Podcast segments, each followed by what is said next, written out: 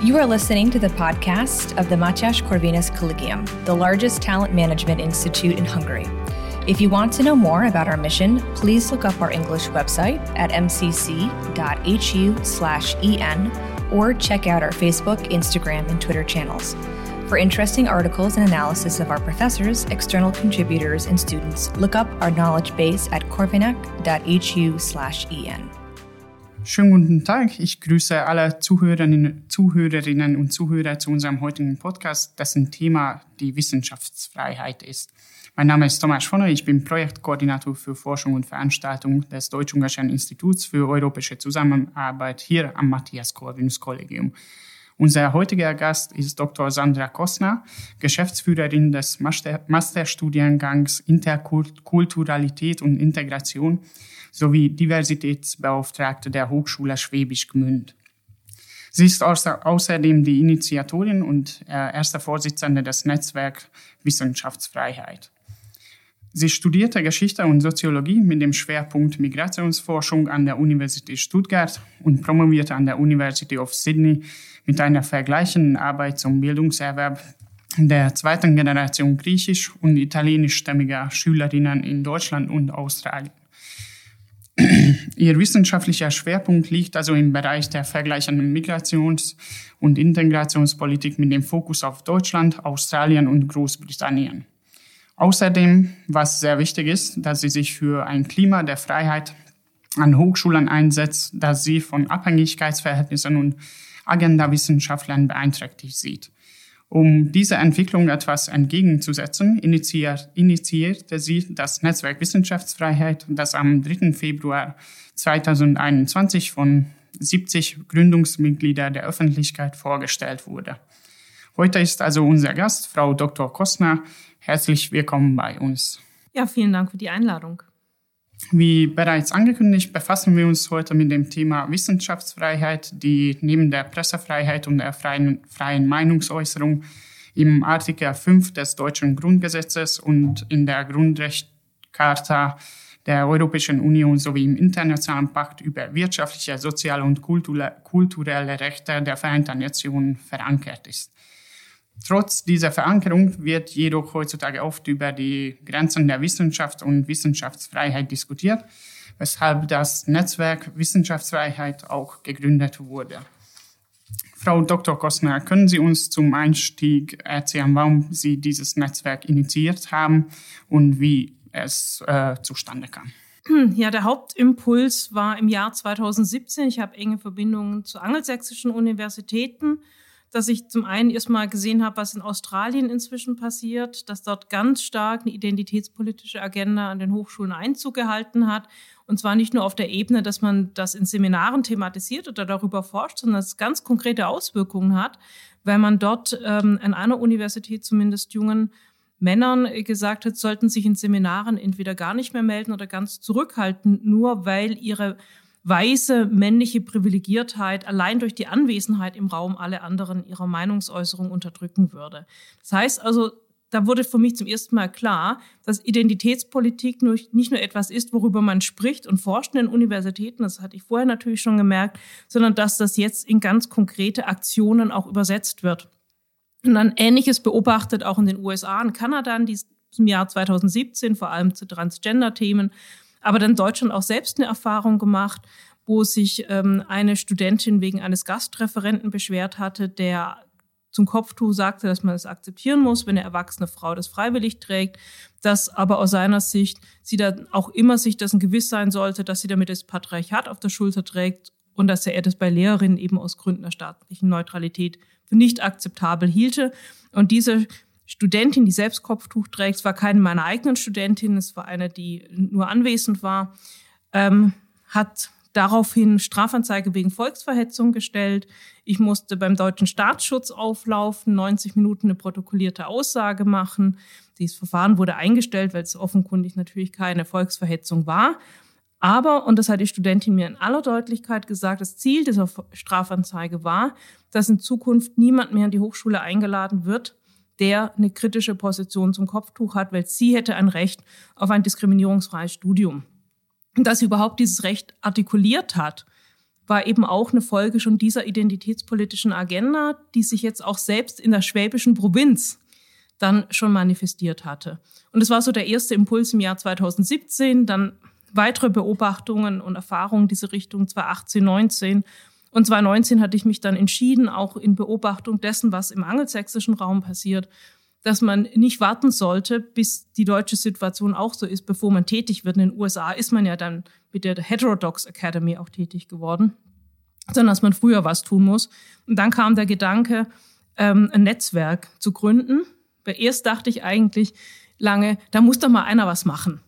Und ich glaube, ganz viele haben auch schon gedacht, da muss doch mal einer was machen. Aber keiner geht den ersten Schritt.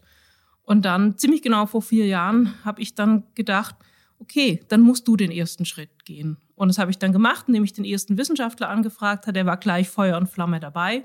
Und so im Schneeballsystem wurden es immer mehr, bis wir dann eben 70 Personen waren, als wir im Februar 2021 in die Öffentlichkeit gingen. Und erfreulicherweise sind wir inzwischen auf fast 750 Mitglieder angewachsen. Ja, herzlichen Glückwunsch erstmal dazu. Aber das Problem, das Sie dargestellt haben, ist also kein deutsches Phänomen. Äh, Sie haben ja besonders den anglo-sächsischen Raum hervorgehoben. Ähm, Plan das Netzwerk, ähm, wissen, also ja, Plan das Netzwerk, dass Sie auf internationalem Feld auch agieren, beziehungsweise haben Sie bereits Kooperationen oder haben Sie da Pläne? Wir haben so die ersten Fühler ausgestreckt, beziehungsweise es wurden auch Fühler aus dem Ausland in unsere Richtung ausgestreckt.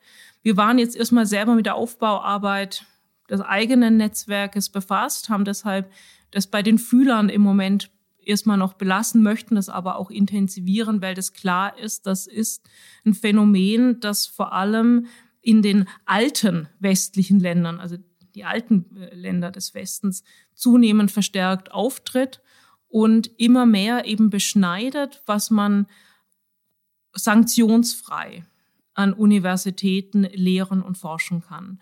Und wenn ich sage sanktionsfrei, was ganz wichtig ist, diese Einschränkungen gehen nicht vom Staat oder von staatlichen Akteuren aus, sondern diese Einschränkungsversuche, so ein Klima der intellektuellen Unfreiheit, das geschaffen wird, ich spreche da auch gerne vom intellektuellen Lockdown, der verhängt wird, der geht von anderen Wissenschaftlern aus, beziehungsweise teilweise eben auch jetzt schon von Studierenden.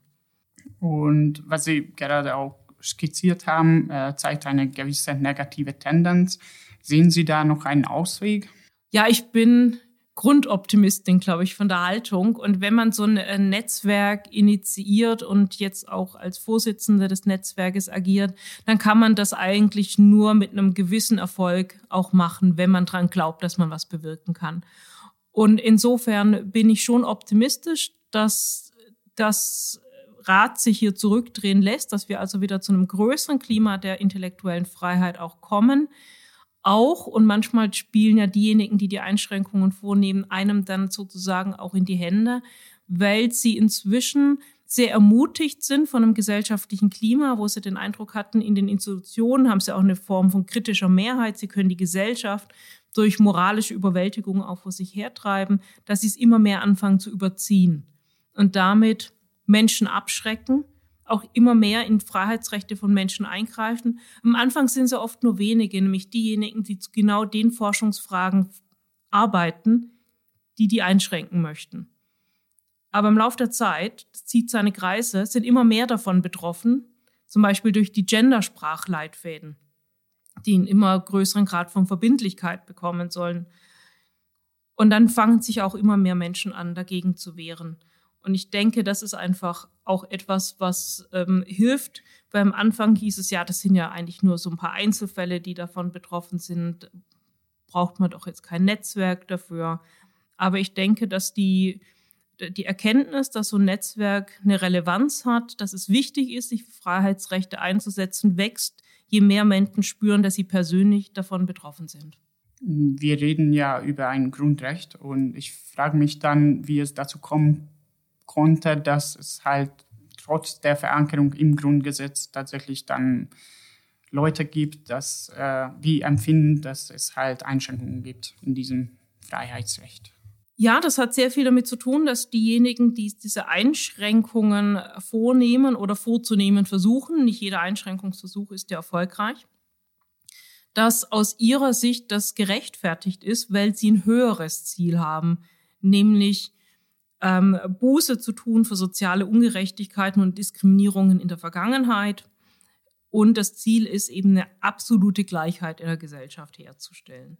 Also wenn man so möchte, das ist eine neue Form von, weil es ja immer auf Abstammungsmerkmalen gründet und daraus abgeleiteten und zugeschriebenen Identitäten, eine neue Form von Identitätssozialismus. Also die absolute Gleichheit ist das Ziel, aber wir wissen, was dabei rauskommt. Wer absolute Gleichheit will, schafft immer extrem viel Unfreiheit. Und also wir reden halt gerade über Wissenschaft und Wissenschaftsfreiheit und da kann man meiner Meinung nach nicht die Studierenden und Schüler aus, außer A-Klasse beziehungsweise den wissenschaftlichen Nachwuchs auch nicht.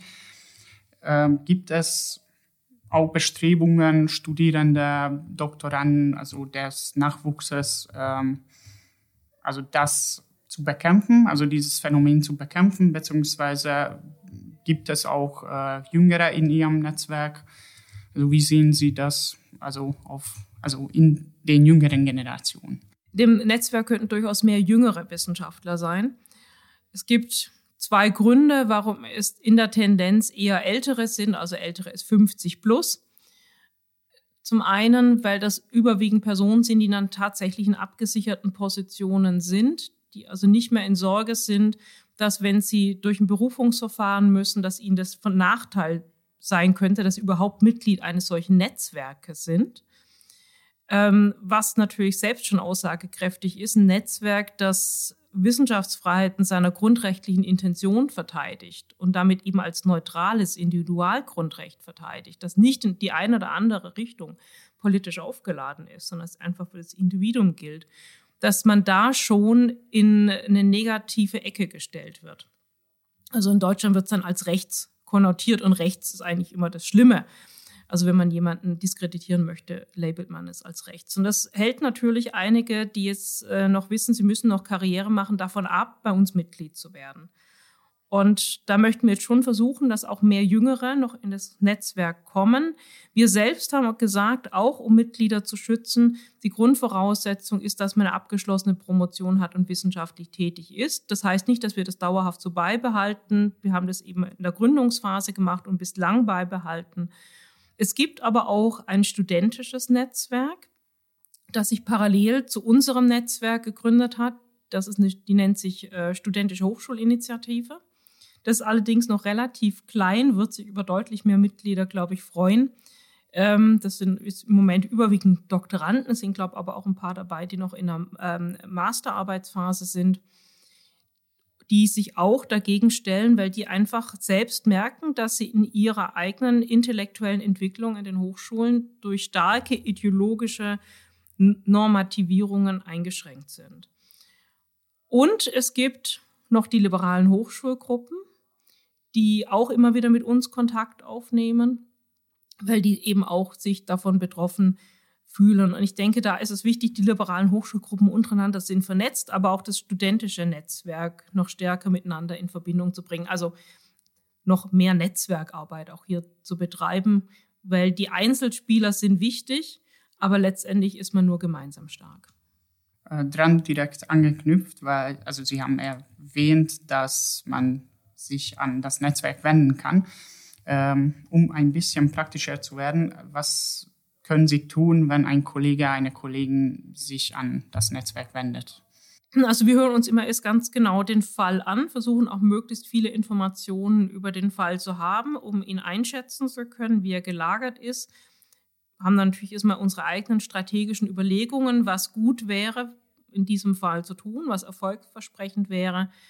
Wir machen es immer in enger Absprache mit den Betroffenen, weil viele Betroffene möchten eben nicht, dass ihr Fall öffentlich wird. Andere möchten noch nicht mal, dass das Netzwerk in irgendeiner Form für sie tätig wird, weil sie schon Sorge haben, dass ihnen das dann negativ ausgelegt wird. Die möchten dann nur eine Beratung haben, was man tun kann. Also es hängt dann wirklich sehr davon ab, wie der Fall gelagert ist und was die Betroffenen möchten. Ähm, hilfreich ist natürlich immer die Öffentlichkeit Öffentlichkeit zu mobilisieren, weil die breite Öffentlichkeit nicht hinter denjenigen steht, die Freiheit einschränken möchten. Das geht aber, wie gesagt, nur, wenn die Betroffenen das auch möchten. Ansonsten wenden wir uns auch teilweise an die direkten Leitungsebenen, die in den Fall involviert sind. Das können Dekanate sein, das können auch Hochschulpräsidien sein und legen dann dar, inwiefern die Wissenschaftsfreiheit in diesem Punkt von Wissenschaftlern eingeschränkt wird und führen auch aus, inwiefern es eben auch die Verpflichtung der jeweiligen Leitungsebene ist, die Wissenschaftsfreiheit der Betroffenen zu sichern. Äh, über die Arbeit haben wir jetzt viel erfahren. Und wann wäre das Netzwerk zufrieden oder wann würden Sie sich zufrieden geben mit den Ergebnissen, die das Netzwerk erzielt hat oder erzielen könnte? Wir wären natürlich zufrieden, wenn es deutlich weniger Vorfälle gäbe. Die nehmen ja eher zu im Moment noch, als dass sie abnehmen, wo Personen in ihrer Wissenschaftsfreiheit eingeschränkt werden sollen oder wo diese Versuche gestartet werden. Ähm, also wenn jeder Wissenschaftler, jede Wissenschaftlerin frei ihre Forschungsfragen wählen kann, sich nicht überlegen muss, inwiefern die Wahl einer Forschungsfrage karrieregefährdend ist, aus ideologischen Gründen, ähm, frei eben auch die Argumente vortragen kann, dass jeder das gleiche Gehör im Debattenraum auch findet, also ein symmetrischer Debattenraum ist, ähm, alle angstfrei oder frei vor der Angst vor Sanktionen eben Argumente vortragen können, dass man auf der Sachebene miteinander diskutiert und persönliche Diskreditierungen unterlässt, weil es im Grunde immer nur ein Ausweg ist. Fehlt einem das Sachargument, geht man auf die persönliche Ebene. Und damit so dieses Klima der intellektuellen Freiheit dann an den Hochschulen hergestellt ist. Und es wird immer wieder Menschen geben, die es versuchen einzuschränken. Jetzt nicht nur aus ideologischen Gründen, die kommen ja noch dazu. Da, es gibt ja auch Charaktermerkmale. Nicht jeder kommt gut mit Widerspruch zurecht oder wenn seine eigene Forschung widerlegt wird, wenn er in einer machtvollen Position ist und andere abhängig sind, dass er versucht, natürlich hier Menschen geistig auch zu normieren. Ähm, das wird man nie komplett abschaffen können, aber es so weit als möglich zu minimieren und dass das jeder in der Wissenschaftscommunity als seine Aufgabe auch ansieht, für einen freien, offenen Debattenraum zu sorgen. Ihr Forschungsfeld ist ja Migration und Integration. Äh, das ist, glaube ich, ein ganz heikles Thema, also sowohl in Europa als auch in Deutschland. Äh, haben Sie da selber Erfahrungen, die Sie uns mitteilen könnten? Also, also ich, äh, selber eigene Geschichte mhm. halt quasi. Genau, ich persönlich eigentlich sehr wenig. Das hat aber in erster Linie damit zu tun, dass ich sehr viel eben auch zum außereuropäischen Raum mache, also zu den klassischen Einwanderungsländern und ähm, dann einfach sehr nüchtern darstelle, wie diese Einwanderungsländer vorgehen, welche Resultate sie dann auch erzeugen. Das heißt, es steht dann nicht so im Mittelpunkt natürlich der Aufmerksamkeit in Deutschland. Das hilft in gewisser Weise schon dann auch. Ähm, und dass ich aber auch, und das ist natürlich in gewisser Weise auch eine Vermeidungsstrategie, aber muss natürlich auch gucken, wie man seine Zeit einsetzt. Ähm, wenn man jetzt etwas für Publikationen schreibt, wo man sich einfach nur anschauen muss, was dort normalerweise publiziert wird, wo man auch weiß, wer da in den entsprechenden ähm, Gremien sitzt, da kann ich dann schon kalkulieren, dass wenn ich jetzt da einen Text verfasse, die Wahrscheinlichkeit, dass er publiziert wird, gering ist. Also geht man häufig, viele andere ja auch, diesen Weg gar nicht und versucht eben andere Publikationswege zu finden. Und ich muss persönlich sagen, ich habe sehr, sehr großes Glück gehabt, zufällig vor vier Jahren, die fünf Jahren jetzt schon Verleger gefunden zu haben. Ein kleinerer wissenschaftlicher Verlag, der aber einfach sehr offen ist, dem ganz viel auch in der freien, offenen Debatte selbst liegt, ähm, gefunden zu haben, bei dem man auch einfach Bücher publizieren kann, die Aspekte aufgreifen, die ansonsten schwer publizierbar sind. Und ja, wie erwähnt, also ich würde jetzt beim Thema Integration bleiben, also die seit längerem den deutschen öffentlichen Raum ja sehr stark prägt. Äh, worin sehen Sie die größten Herausforderungen der Integration der Einwanderer, Geflüchteter in Deutschland? Das größte Problem beziehungsweise es gibt zwei Hauptprobleme aus meiner Sicht in Deutschland, die miteinander verwoben sind. Das eine ist, dass in Deutschland die Migrations- und die Absorptionsrate, wie das Paul Collier, ein britischer Wissenschaftler, mal nannte und in einem sehr guten Buch Exodus ist der äh, Titel des Buches dargelegt hat, zu weit auseinandergeht. Das heißt, Migration ist erfolgreich, wenn die Infrastruktur mithalten kann und die Zahl der Personen, die ins Land kommt, gut integriert werden kann. Das heißt also ausreichend Wohnraum, Schulenplätze, Kindergartenplätze, Arbeitsmarktpositionen zur Verfügung stehen und dann natürlich auch man schauen muss, es macht einen Unterschied, ob jetzt Österreicher nach Deutschland wandern, weil ich natürlich den Spracherwerb nicht habe, weil ich ähnliche Ausbildungssysteme habe. Das heißt also, der Weg von dem, was die Menschen mitbringen, zu dem, was sie in Deutschland brauchen, um erfolgreich zu sein, ist gering.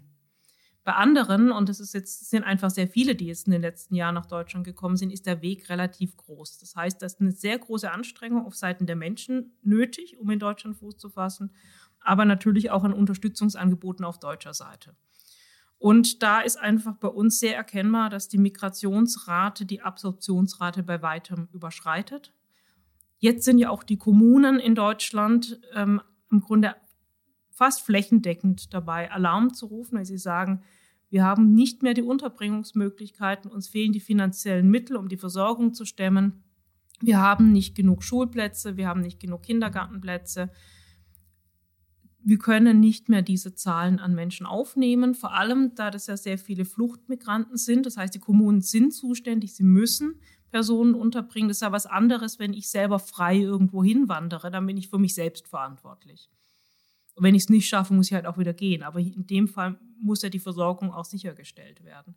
Und, und da ist es in Deutschland inzwischen einfach so, dass ähm, wir zu viele Personen, auch die 15, 16 gekommen sind, immer noch nicht hinreichend integriert haben auf dem Arbeitsmarkt, dass wir aber jetzt die Ressourcen, die wir haben für die Integrationsarbeit, die Unterstützungsangebote, schon wieder verlagert haben auf diejenigen, die jetzt nachkommen. Und damit fallen die anderen hinten runter und die brauchen aber eigentlich auch noch die Unterstützung und sie brauchen teilweise auch den Push zu sagen, ihr müsst jetzt auch mal gucken, dass ihr für euch selber sorgen könnt. Weil in Deutschland neigen wir, und das ist der zweite Aspekt, sehr stark inzwischen auch zu so einer, ich nenne es mal Überbemutterung. Also Migranten werden überall an die Hand genommen und es wird ganz viel Unterstützung gegeben. Aber die Eigeninitiative, die die ja mitbringen, also wer von Afghanistan nach Deutschland flüchtet, der hat sehr viel Eigeninitiative bewiesen. Und dass wir diese Eigeninitiative nutzen, haben wir eigentlich eine Unterstützungsstruktur, die sagt, ich nehme dir dies ab, ich nehme dir jenes ab.